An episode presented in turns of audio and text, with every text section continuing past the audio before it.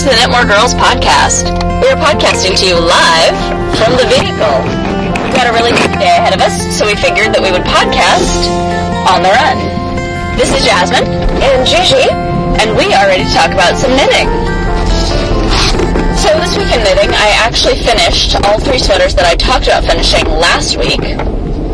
They're all done. The ends are buried. Zippers have been sewn in, none of which I can credit to myself. Kay actually buried all my ends when I was at the shop the other night. I brought in all my sweaters to show off, and there were ends dangling from everything. So she just sat down and buried all of the ends. And we were talking about how different people like to do different things. Like, I love knitting sweater bodies, but I hate knitting sleeves. And Nathania loves to knit sleeves, but can't finish sweater bodies. And you love to seam. Um, it's not that I love to seam, but I'm perfectly happy doing it because for a little bit investment and time of effort, and which is mindless and I can do it while I'm talking to my friends, I have something that's done to my credit. And I can say I finished something even if I haven't done any of the knitting. Works for me. That's fair. It was so funny because we were talking about it, and I was thinking back to the way beginning. So when I go to Purlescence, Chloe winds my yarn because I like watching Chloe wind my yarn. It's a totally creepy thing that we joke about, and yeah. So it's kind of like an inside jokey thing, but you know, there are people at the yarn shop who, who like to wind yarn. And when I worked at a knit shop, I did enjoy winding yarn for other people because I got to play with it and kind of get kind of get an idea for the hand of a yarn without having to sit down and swatch or do anything else. Like I could tell from the beginning that I wouldn't really like to knit linen because it doesn't really lend itself well to handling. But yeah, and then there's me knitting sweater bodies, and so yeah, you could have a whole group of people knitting one sweater, and it would get done so much faster if everyone did the one part that they liked. But I told Kay you would seam her sweater because you, she buried all those ends for you. And she goes, oh no, she, she gave me all the ends of her sock yarn. And I said, no, no, no, you gotta negotiate. You've got to work it. Tell her that she has to seam your sweater in exchange for all those ends being buried. She doesn't mind. So. Um, I don't, and right now I'm at a loss of what to knit because all the socks I, I cast on after stitches, they're done. Done. You could cast on the Casbah I bought for you the other night. I could do that. Because it's really, really pretty. I just, I don't want to just cast on one thing. It seems it works better for me when I have, uh, like, uh, an episode, mm-hmm. and I figure I pull all the, the yarn that is talking to me at the time, and just start casting on. So a fit of startitis. Startitis, a- absolutely. And I'm really a proponent of it because sometimes I just want to grab some knitting and run out the door screaming. Mm-hmm. And I couldn't do that today. It was very distressing. I need to grab my knitting, and there is nothing brainless that I can grab and go. I think there's also something really rewarding about. So this is why I'm a big proponent of the UFO bin. So that would be unfinished objects, and we're not going to talk about how many I have because that's not really necessary. But if you have a sweater that's mostly done and you're just kind of falling out of love with it because you've been spending too much time with it, sometimes it's better to just put it away, and that way, for example, when you have a cruise to go on and you want to finish some garments so you can wear them, because I actually got rid of all of the sweaters I knitted for myself when I was purging my closet because they didn't quite fit right anymore because I gained so much weight. In all the right places. Well, I did, but the whole thing is that you gain weight, and not only do your sweaters get tighter, but they also get shorter, and they were also, they were already kind of crappy to start with because when I was knitting all those sweaters in high school and in college, I was really, really into cropped sweaters because that was the style. And now they're, the cropped sweater is in, sort of, but it's much more cropped. It's not just above the waist. It, it looks like it's supposed to you just under the bust, which is totally cute, but completely a different look. So, yeah. So I got rid of all those sweaters and then realized I had basically only shawls to wear. And wearing lace shawls is really a trial for everybody. It's very hard having to wear lace shawls that you've knit for yourself. Why is that? I'm just being sarcastic. And while my, my shawls are much more draggy than my sweaters are, the three sweaters I finished are actually really, really cute. They are. Yeah. I did some uh, bust darts and underarm gussets on both of the raglans, and the Ribby Cardi has I have never seen a garment that lends itself so well to so many body types. Because I was in Purlescence, and granted, you've got a whole range of body styles and shapes and sizes, and you've got you've got Nathania who's an hourglass, and then you've got me who's a 30 second glass. You know, still shapely, just less ugly. Okay. And it looks amazing on everybody, and like all sorts of body types are knitting them, and they look fantastic. So it, this is the Marie Burns Ribby Cardi. Ribby pulley is also super flattering. I just haven't knit one yet because, well, Because you haven't. I'm. I was seriously thinking of doing a Ribby Cardi, and um, I think I will be able to wear it um, at work with a dressy um, white collared shirt under. Make it look professional, and yet warm enough so I don't freeze when they have the, either the air conditioning going or it's it's cold in the wintertime. it is really hard to make that balance of dressy enough for work, but yet still fun to knit because if you're knitting everything for work, you might as well just drop it on the knitting machine and plow out a couple of squares and seam them together and hope for the best. But You I, look, there's nothing wrong with machine knitting. Machine knitting is awesome. No. Um, slapping together squares and calling it a sweater is you.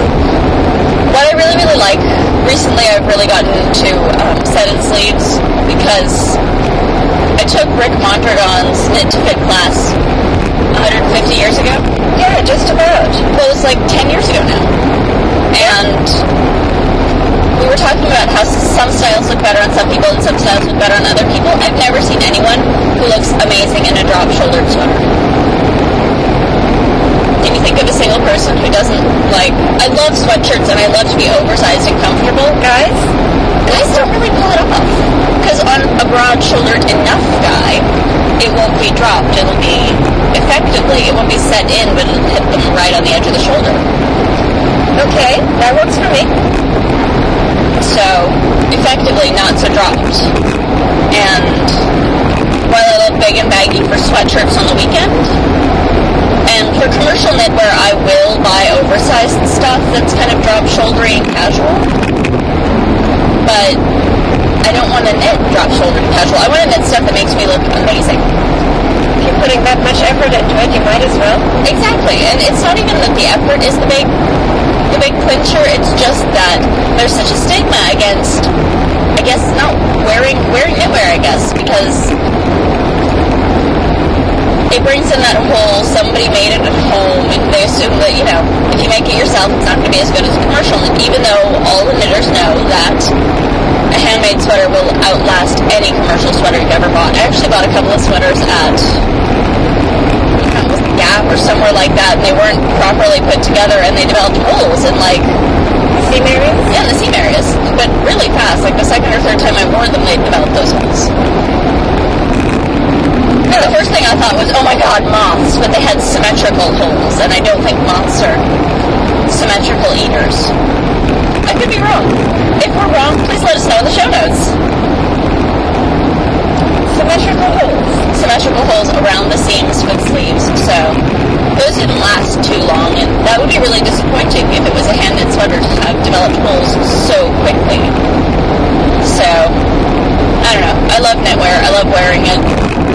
Right now, I actually found another cardigan I wanted knit. So I'm working on Ariane still. It's I haven't actually worked on it this week since we last podcasted, but it's still visible, which means it hasn't been stuffed into the UFO corner.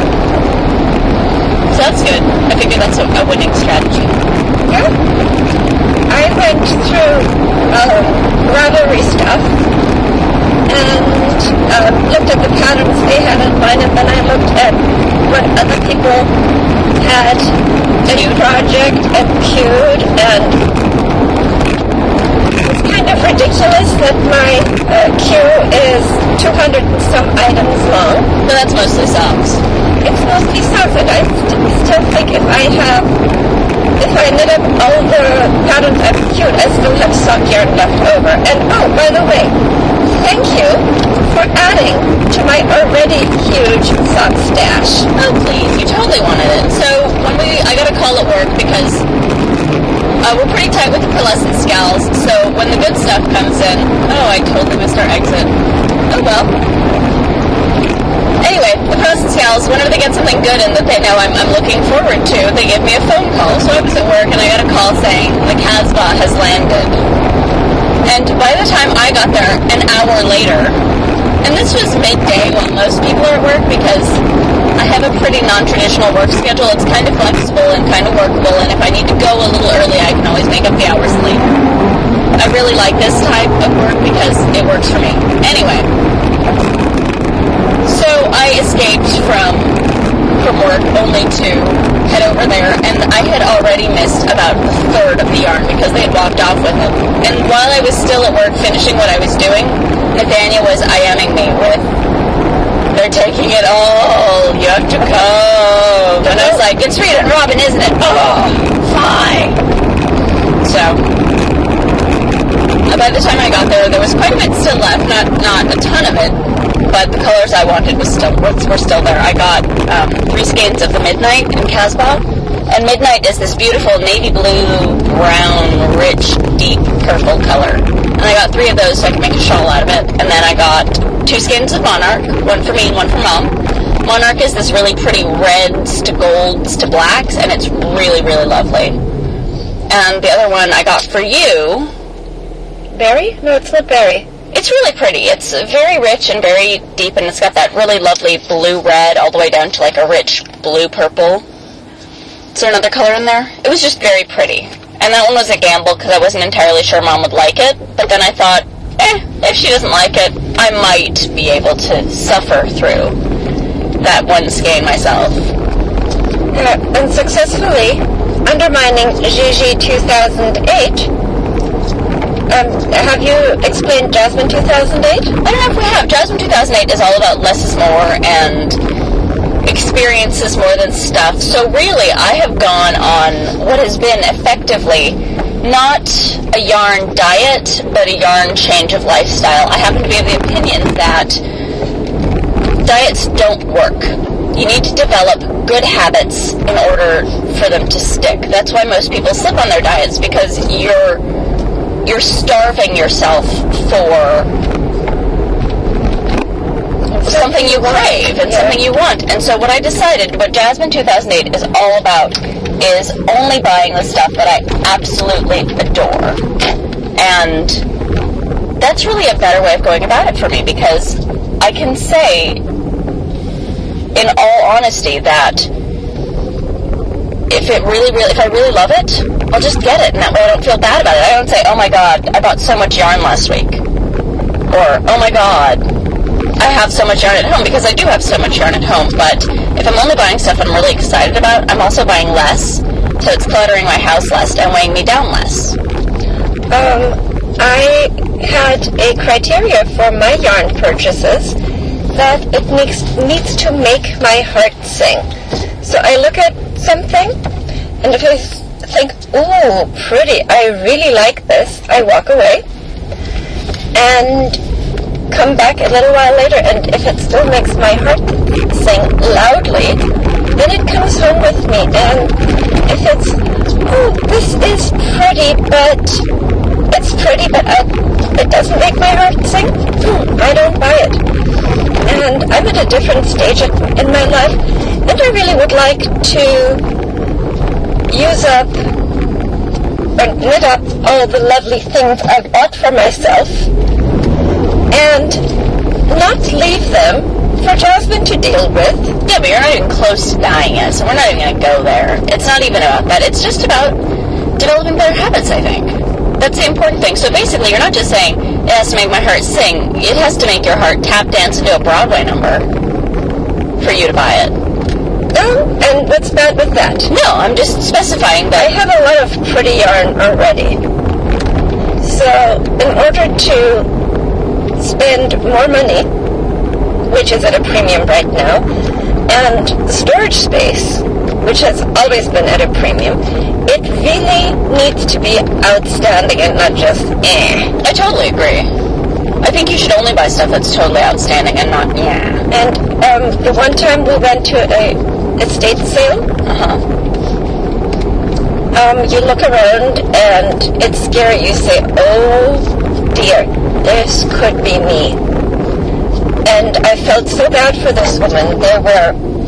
How much yarn did she have? Oh, she had loads of yarn. And she was a weaver, so quantity kind of goes with being a weaver. You can't be a weaver with a little yardage. That's really the long and the short of it. But she had just tons of really, really awesome, incredible stuff. I think what I saw was at least 50 years worth of weaving supplies. At least. If And it was really lovely. I mean, she had a really good collection of stuff. And we all walked off with some really, really good stuff, and they donated the money from the from the estate sale to cancer research. So it was for a good cause, but there was a lot of yarn. And when you have non-knitting people in your family who don't know what to do with your yarn, that's when you run into, oh my goodness, what am I going to do with all of this yarn? which is the uh, goal of today's field trip. Yeah, actually, we're actually heading up to a storage unit, heading up, heading down to a storage unit in Gilroy, where this woman left her cousins with all of her all of her stuff, and they're not knitters, so they don't know what to do with it. And they happened to go into Cynthia's bookstore, and Cynthia is one of the minions, and her husband, they were mentioning that they had all this stuff in storage and blah, blah, blah, this, that, the other yarn, and his eyes perked up and he said, Let me tell you about my wife and her knitting group. So we're heading down to Gilroy to take a look through the storage unit and maybe get a loom, because I've kind of been lusting after a loom for ages, but couldn't justify. I just, I guess, I couldn't justify spending all that money because I'm not sure if I'll like, I'll like weaving the, the same way I've taken to spinning and knitting. Thanks for bearing with us through that. I know the sound was a little bit weird, but we will work on the remote recording. Uh, back to On the Needles. So, we're giving you a recap of the estate that we went to help clean out on Sunday. We actually ended up down in Gilroy in this beautiful loft space. And the gal who had passed away passed away about two years ago, and she had loads of yarn, and she had a table loom, and a spinning wheel, and a floor loom, and just loads of stuff. Um, there was also the big room full of fabric, which mom had a great time in. But it was really nice, and her family was really pleased to be handing off all of her beloved possessions that they didn't know what to do with to people who would actually use and appreciate them.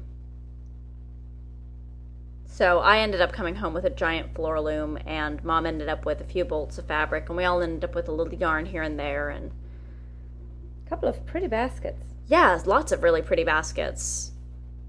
It was a pretty long day, but you know, otherwise we had a pretty good time, and we went up with friends, and it was just, it was nice. It was a collective effort. Everybody got to dig through stuff and help pack stuff up. And I think also we helped kind of our appreciation of the stuff kind of helped ease some of the pain because they didn't have to toss it away. They were handing it off to people who would love and cherish her tools and her yarn and her equipment. Yeah, I think the best part was that when we when we would find something and be like, "Oh, this is what this is for," or "This is what this is for," but um, towards the end of the day, when we were there, the gal's mom came out and showed us pictures of her, and it turns out that Sandy and I think that we knew her from um, a spinning guild that we were part of a few years back. So that was pretty exciting. So it was a good day. I'm hauling the loom home over the weekend, which will be great, and setting it up in the garage. So hopefully, I will like weaving. Um, as far as on the needles is concerned, I cast on a pair of felt clogs for my friend Colleen, who I'm hoping does not listen to the podcast yet, but will. Uh, her birthday was Sunday as well, but she kept mum about it, so a couple of us are are secretly knitting her the felted clog so that she can just do the embellishment work for the felted clog contest on the Sea Socks cruise. So that's exciting. I'm also knitting a an ice cream an ice queen. Yeah, I'm knitting some ice cream. It's delicious. um, I'm knitting an ice queen from Knitty out of Rowan Kid Silk Haze in the same hot, hot pink that my hair is. Okay, what's an ice queen? An ice queen is like a a cowly Mobiusy thing. It's, I guess it's not a Mobius. It's just a cowl that uh, Rosemary Hill designed. She designed the mirror shawl. Both of them were in Knitty. They're gorgeous. You'll know it when you see it. But instead of using the the Swarovski crystal pearls. I actually got Swarovski Swarovski. Bleh, it sounds like we've been drinking. I, I promise you we haven't been. The Swarovski crystals that are an equivalent size to the pearls. I got those in this same pretty pink because the the pearls did not come in hot pink, sadly, and I did not want to use plastic beads on this beautiful thing that I'm going to knit and hopefully finish before the cruise. So hmm.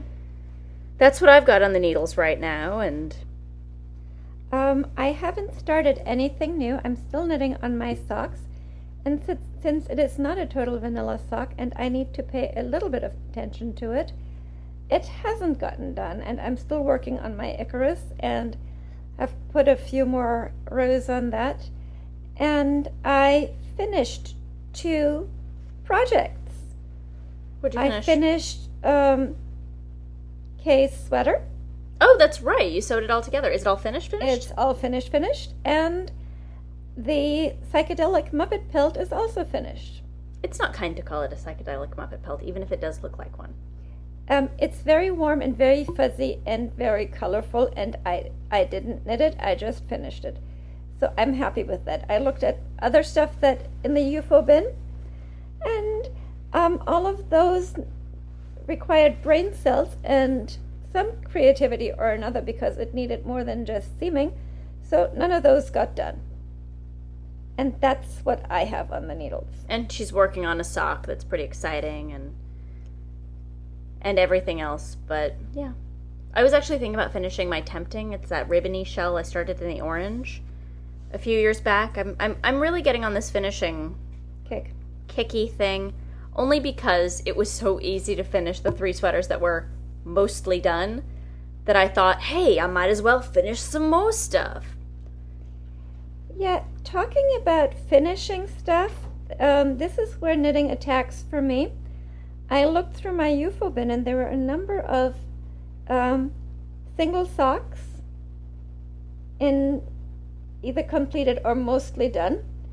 And I have no clue of what to do for the second sock because, brilliant that I am, I have not put my patterns with the socks because I figured, oh, I know what I'm working on. And I'll, I'll be able to pick it up and go on with it. Well, guess what? Not. Yeah. No, my, my segment for knitting attacks, my little section for when knitting attacks, is that I bought three colors of Noro sock from Webs um, just after stitches, and I was really excited about it. And what I want to knit out of it is lace. And I have enough. I always buy enough yardage to make sure that I, I won't run short. But my problem is inspiration, not materials. So I'm trying to figure out what I should knit.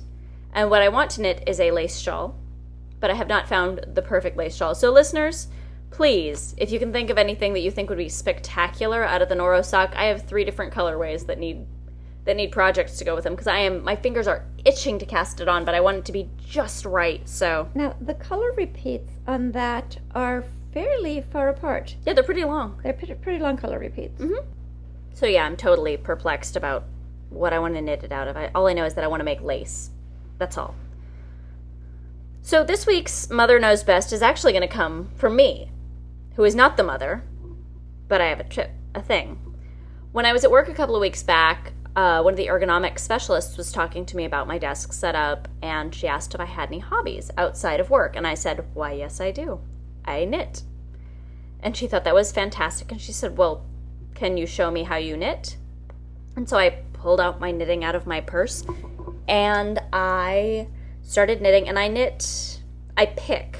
So my yarn sits on my left index finger and flips around and all sorts of stuff. Continental. Yeah, continental. You can call it whatever you want, but I pick. And what she suggested was to reduce fatigue on the one hand and on the one finger to switch hands every 20 minutes. So you pick for 20 minutes, you throw for 20 minutes. This works for some people, it does not work for other people. I am making a concerned effort to be able to do it because I would like to be a marathon knitter and, you know, less wear and tear on your hands means more knitting time and less icing time. So, Oh, yeah. and what does that do to your tension? Well, that's why I've been practicing on stuff that I don't really care about, like socks. My va- my vanilla socks. It doesn't matter if I'm picking and throwing, and they're not entirely perfect. But Andrew came in. He saw me knitting the other night, and he saw me throwing, doing my best to throw while I was working on this. And he goes, "Since when do you throw?" Bless his heart. He can tell the difference between knitting, between picking and throwing. Well, he knits too, so it's not that amazing. So yeah, Excellent. Yep. Well, we'd like to give a special thanks this week to Patrick Lydon for writing our theme song. You can find him linked on the sidebar of the show notes. As always, the show notes can be found at knitmoregirls.blogspot.com. That's K N I T M O R E G I R L S dot blogspot.com. And we can be reached by email at knitmoregirls at yahoo.com. And remember, this is Jasmine And Gigi, telling you to knit more.